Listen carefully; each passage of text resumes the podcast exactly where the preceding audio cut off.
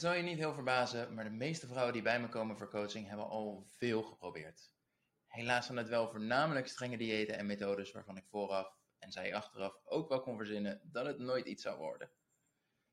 Ik bedoel, als het gezonder maken van je eetpatroon begint met twee maaltijdvervangers plus net genoeg eten voor een kind van vier, dan mogen de alarmbellen wel afgaan. Maar er zitten ook prima concepten tussen, alleen niet altijd even relevant voor jouw doelen. En dat is waar ik het vandaag over wil hebben. Zo vroeg een van de vrouwen uit mijn coaching laatst, Jori, toen ik met puntje puntje afslankprogramma probeerde af te vallen, moesten we bijvoorbeeld zelf onze sausjes maken. Dat was best veel werk, maar goed, dat deed je dan maar. Maar met de richtlijnen die ik nu bij jou krijg, kan ik ook gewoon prima ketchup gebruiken. De portie die ik gebruik is maar 25 calorieën, dat past makkelijk. Doe ik het nu dan fout en begrijp ik het verkeerd? Of, of was het zelf maken van al die sausjes onnodig ingewikkeld? Ja, nu in ieder geval wel. Kijk, het begint bij je doelen. Er is gewoon een verschil tussen afvallen en werken aan je leefstijl voor een betere gezondheid. Of voor uiterlijk, zelfvertrouwen enzovoort.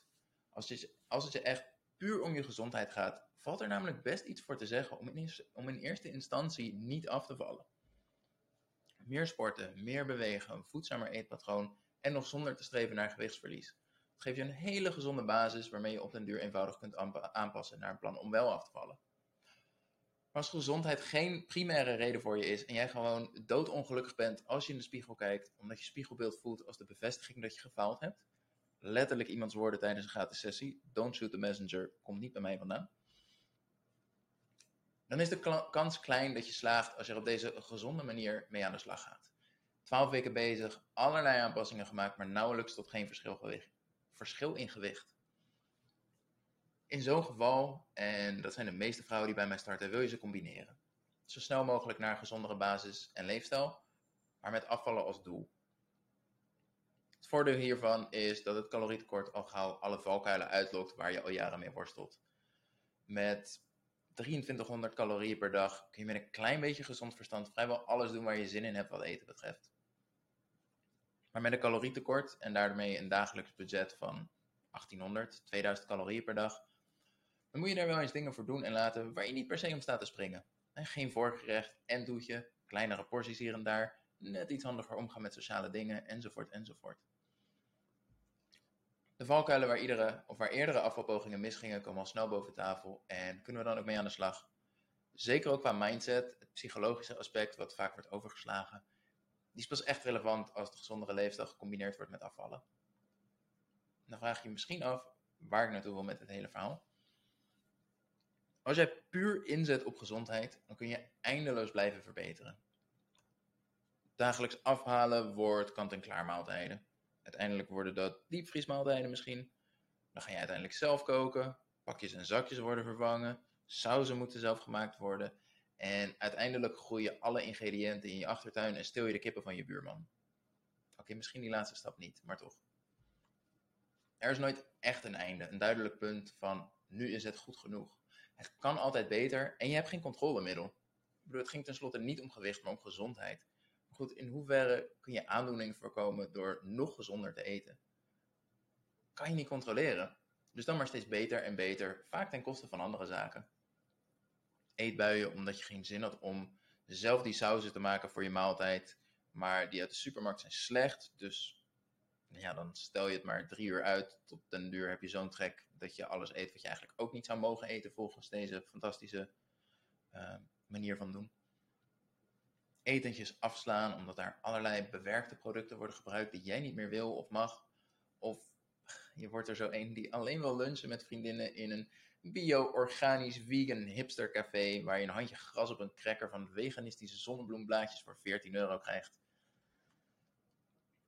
De gezonde leefstijl wordt hiermee het doel, terwijl in mijn coaching is het vooral het middel. Jij wil bijvoorbeeld meer energie om aan het einde van de dag nog met je kinderen naar buiten te gaan of je een betere conditie, zodat als je buiten met ze bent en ze sprinten er vandoor, dat jij ze ook gewoon bij kan houden en erachteraan kan.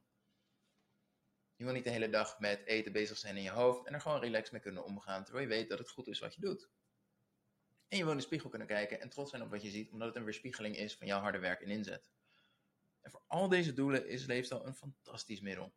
En wat slimme aanpassingen in je eetpatroon, routines en gewoontes aanpassen, slaapkwaliteit verbeteren, beweging door de dag heen verhogen, wat sportmomenten inplannen.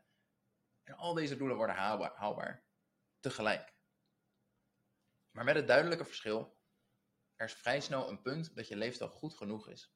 Je valt af, je energie neemt toe, je slaapt beter, voelt je fitter en wordt iedere dag een beetje blijer met wie je bent en wat je in de spiegel ziet. Dan hoef je niet nog minder te eten, nog vaker te sporten, nog meer te bewegen. Het is goed genoeg voor de doelen die je hebt. Dus tenzij je het leuk vindt om nog meer te sporten, is dat gewoon niet nodig. Hooguit dat je uiteindelijk je doelen verlegt omdat je realiseert dat wat je ooit als voorzichtig einddoel stelde toen je dacht dat dat het maximaal haalbare was, maar je bent erachter gekomen dat je tot veel meer in staat bent met deze aanpak. En zelfs in de discussie tussen gezondheid en afvallen, uiterlijk enzovoort, is er nog de grote vraag: wat is beter voor je gezondheid? Dat supergezonde eetpatroon waarmee je in ieder geval nog niet afvalt en wat 90% van de mensen niet eens kan volhouden, maar misschien jij wel. Of het makkelijk vol te houden eetpatroon en daardoor 20 kilo afvallen. Ofwel, is het zelf maken van je sauzen en het vermijden van alle pakjes en zakjes beter voor je gezondheid dan afvallen? Ik denk van niet. Laat ik het zo stellen. Voor het een hebben we alle onderzoeken en data dat het heel veel voordelen heeft voor je gezondheid. En voor de ander niet. Ja, waar ga ik dan op inzetten? Lijkt mij logisch. Ik wil je daarom op het punt van goed genoeg hebben. Het punt waarop iemand geen eten bestelt omdat ze geen zin of energie heeft om te koken, maar in plaats daarvan iets makkelijks maakt. Desnoods met pakjes en zakjes en kant-en-klare ingrediënten. I don't care. Als wij jou maar bij je doel brengen. En daar mogen de meningen over verschillen. Helemaal prima. Kies voor wat jou aanspreekt en zorg er zelf maar voor dat het voor je werkt. Abonneer je op de Gezond en Fitcast als je dat nog niet had gedaan. En doe me een plezier, laat een recensie achter. Liefst 5 sterren natuurlijk. Vind je hem geen 5 sterren waard? Laat me weten waarom. Maak ik het nog beter voor je. En uh, mag je hem dan alsnog 5 sterren geven.